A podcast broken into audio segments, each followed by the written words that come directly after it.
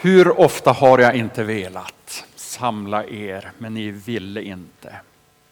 Den här sorgen som på något sätt finns i Jesu röst när han yttrar de här orden fick mig i förberedelserna för predikan att tänka på Norrmalmstorgsrånet för många år sedan.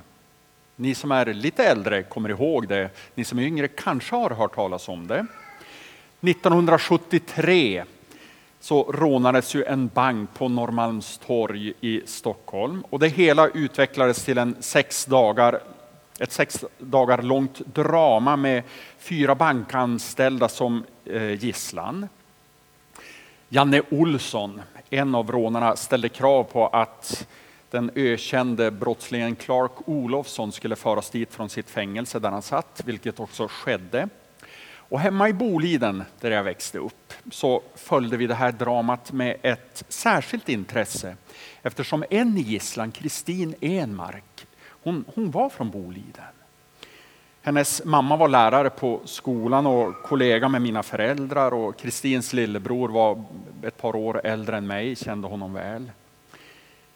Och under dramat här, gisslandramat, så utvecklades ju en en förtrolighet mellan gisslan och deras gisslantagare. Och det här blev någonting som uppmärksammades över hela världen. Och bland annat Kristin, hon försökte skydda förövarna när polisen grep dem efter att ha släppt in gas i valvet där de hade förskansat sig. Och sen under rättegången så visade visade gisslan tydlig ovillighet att vittna mot rånarna och visar upp en vänskap som fortsatte också lång tid efter dramats upplösning. Och en psykolog som studerade det här beskrev fenomenet, gav det namnet Stockholmssyndromet, vilket har blivit ett världsvitt begrepp. Det är ett fascinerande fenomen. Ett offer tar förövaren i, förvar, i försvar och förtrolighet och ömhet uppstår mellan dem.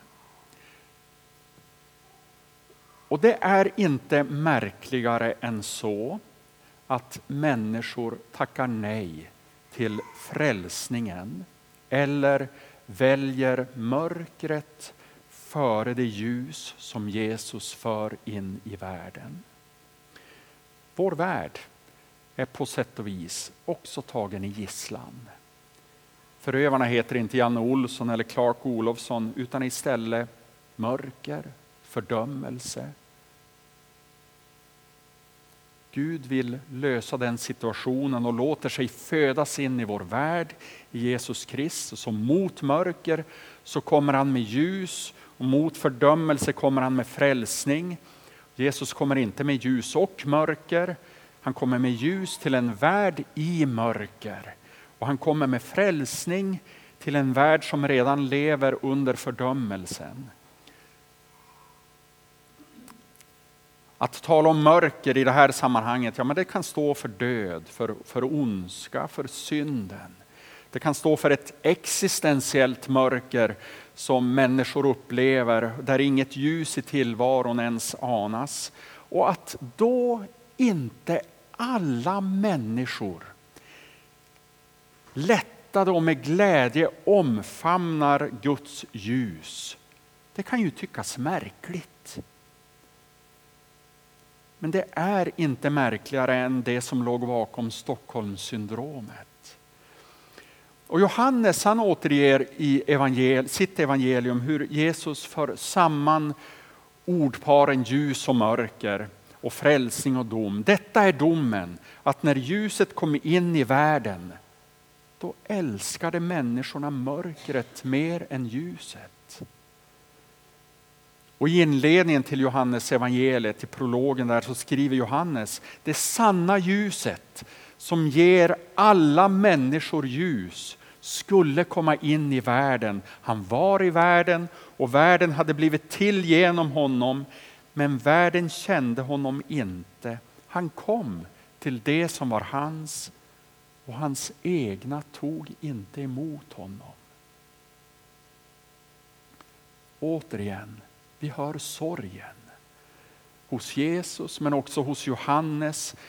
En sorg över att Stockholmssyndromets mekanismer styr människor, inte bara vid bankrån utan också när det är Gud själv som kommer med ljuset, med befrielsen.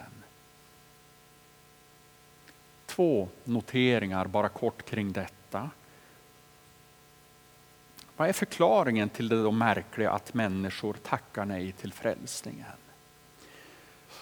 Ja, det är människans grundtillstånd i den i synd fallna skapelsen. Människan är från början Guds frånvänd. Inkrökt i sig själv, skriver Luther. Och ser därför inte frälsningen som Gud har berett åt alla folk. Och det andra, man kan ju inte gärna klandra dem som väljer bort ljuset. Lika lite som det skulle falla någon in, någon som har kunskap om, om det här med de psykologiska mekanismerna som då gavs namnet Stockholmssyndromet, lika lite som det skulle falla den in att klandra gisslan eller deras sätt att reagera, lika lite får det ske att människor upplever sig klandrade av de som har omfamnat ljuset i Jesus Kristus. Alltså, de som kallar sig kristna. Men vi måste finna andra vägar för att människor ska se ljuset. Några kommentarer till texten som vi läst. Du får gärna sätta upp den på väggen igen, Jakob. Jerusalem, Jerusalem, du Jerusalem. Nu får ni ta hand om ert övergivna hus. Vilka är det som Jesus talar om här? När han med sorg i rösten konstaterar att de väljer bort räddningen. Ja, hela kapitlet 23, det 23 kapitlet är, är en lång rad av verop över skriftlärda och fariseer.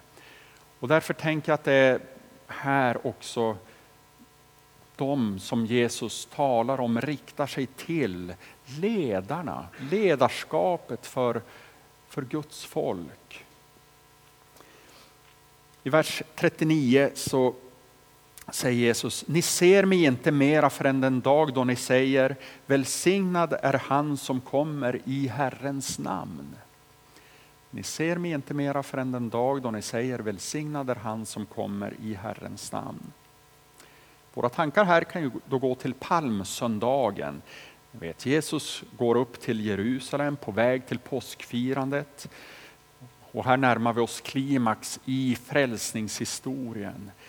Och människor längs vägen brer ut mantlar, palmblad och man sjunger från Psaltaren 118 hälsningen till Messias, för Messias, Hosianna, Davids son. Välsignad är han som kommer i Herrens namn. Och Jesus kommer in i templet, vi läser vidare efter palmsönd eh, under palmsöndagen. Jesus kommer in i templet, rensar det från all kommers som pågår där inne. Blinda och lytta kommer till honom och blir botade. Överstepräster och skriftlärda står förstummade inför det som sker. Och en liten kommentar berättar också hur där i templet så fortsätter det här ropet skalla. Det är som en sång som har satt sig på barnens hjärtan. Och det står om det, barnen fortsätter sjunga Hosianna, Davids son. Det är en enorm upptrappning här i spänning. Man kan ta på spänningen och förväntan.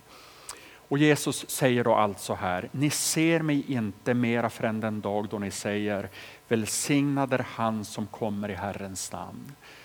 Och läser vi bara den här texten då, och man inte har kronologin klart för sig, då kan man nu nästan tänka att ja, men det kanske är en förutsägelse om palmsöndagen, intåget i Jerusalem. Men det är bara det att det har redan utspelats några kapitel tidigare i Matteus. Vi är i kapitel 23 här, 23-24 och intåget i Jerusalem ägde rum någon dag tidigare och skildras i kapitel 21. Så vad är det då egentligen Jesus här säger till ledarna i folket? Ja, jag tänker mig att det är ungefär det här han säger. Ni hade chansen att välkomna mig, att ta emot frälsningen. Ta emot befrielsen, ta emot ljuset. Många människor välkomnade mig, men ni tackade nej. Nu går räddningen er förbi. Inte undra på sorgen i Jesu röst. För att Gud, allt detta att Gud stiger in i skapelsen i Jesus Kristus, det är det yttersta kärleksbeviset. Så älskade Gud världen att han gav den sin enda son. Det handlar om kärlek, det handlar om Guds kärlek, allt detta. Och det handlar om en obesvarad kärlek. Inte undra på sorgen i Jesu röst. Men Jesus säger ju också här, det är inte kört för er. Ja, ni säger nej nu, ni väljer bort räddningen nu, men det är inte kört. Läget blir ett annat den dag då ni säger, då också ni säger välsignad är han som kommer i Herrens namn. Just det här att eh,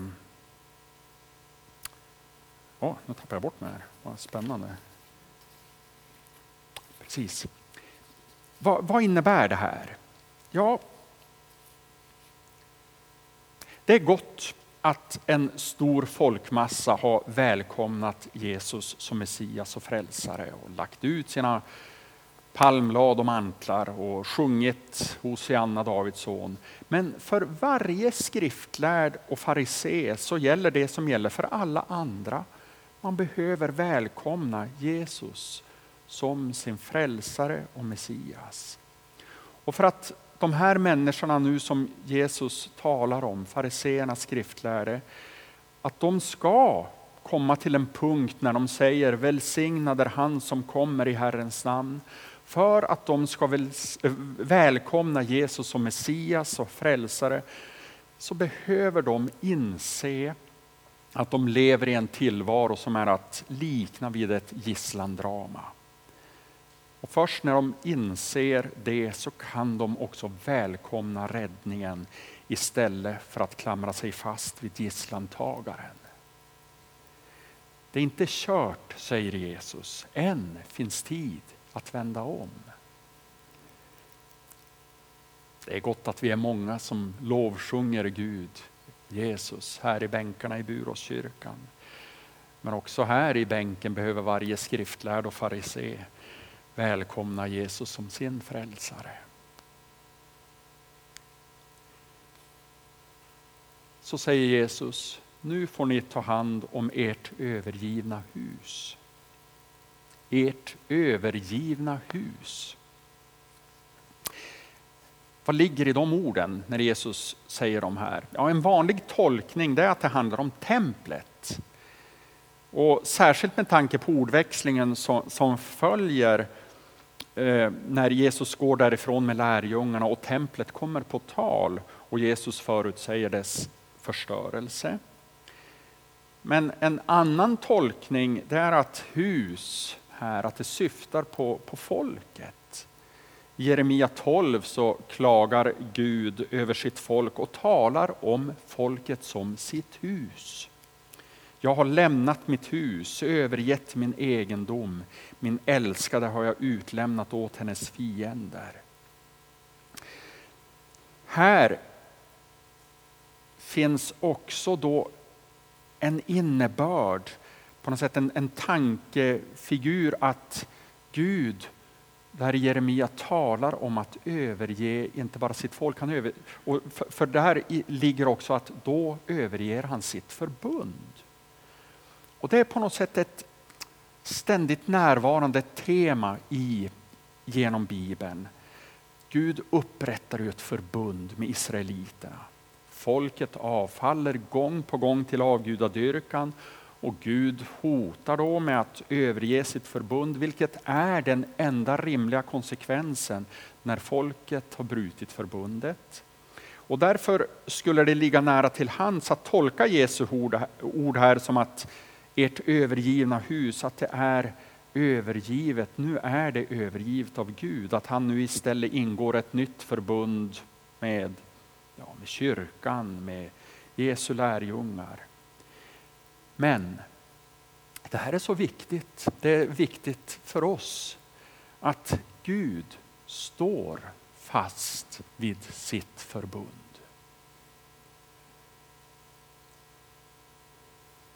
Och det är intressant när Paulus resonerar om det här i Romarbrevet 9 11 och frågan om nu när Jesus har kommit, försoningen på något sätt, eh, och hur försoningen genom Jesu död och uppståndelse, vad, vad, vad sker då med, med förbundsfolket, med judarna som inte har tagit emot Jesus, sin Messias?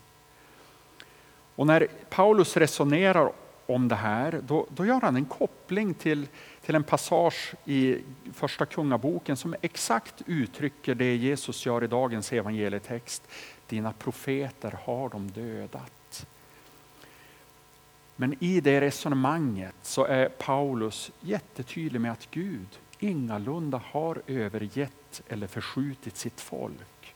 Och just detta att Gud står fast vid sitt förbund med sitt förbundsfolk och håller, håller fast vid sina löften. Det är den enskilt tyngsta anledningen till att du och jag idag äger ett hopp. Att du och jag kan lita på och ha en visshet om att frälsningen gäller också oss. För det är att Gud står fast, att han är lojal med sitt förbund. Ordet nåd, kanske ni har hört, det går tillbaka på det hebreiska ordet chesed som betyder just förbundslojalitet mer än något annat. Och hela skeendet med inkarnationen, korset, den tomma graven, det sker som en följd av Guds nåd att han är lojal, att han är trogen sitt förbund. Paulus skriver vid ett tillfälle välbekanta orden av nåd är ni frälsta genom tron, inte av er själva, Guds gåva är det. Och det skulle vi med, med ordet nåds betydelse skulle, skulle det kunna omformuleras till att tack vare att Gud står fast vid sitt förbund är ni frälsta genom tron. Och det här gör, det blev ett långt resonemang det här, det här gör att ert övergivna hus leder mig till en annan tolkning att en stor del av folket, har vi hört, har nu tagit emot Jesus som Messias och frälsare och de har sjungit välsignad är han som kommer i Herrens namn. De har så att säga lämnat det hus som de skriftlärda och fariseerna nu är ensamma är herrar över. Nu står ledarna själva kvar i det övergivna huset. Men Jesus längtar efter en dag när också de ska ta emot honom som Messias och frälsare och säga Välsignad är han som kommer i Herrens namn.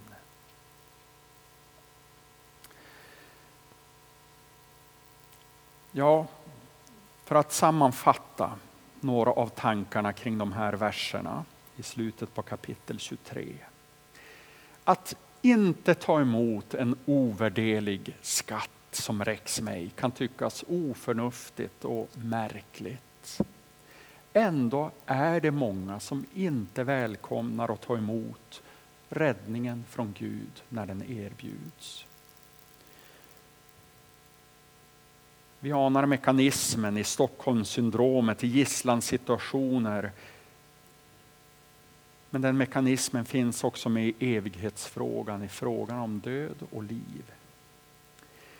Och det andra Lika lite som man klandrar gisslan i en gisslandrama så får kristna klandra de som inte tar emot frälsningens gåva. Men vi behöver söka andra vägar för att de ska få syn på ljuset. Det är inte kört, tid finns att vända om. Och för det tredje, nåden är vårt hopp. Nåden är vårt hopp. Nåd, att Gud står fast vid sitt förbund. Och Det är anledningen till att han gav oss, att han ger oss frälsningens möjlighet i Jesus Kristus. Han som är ljuset, han som är vägen, han som är sanningen, han som är livet. Amen.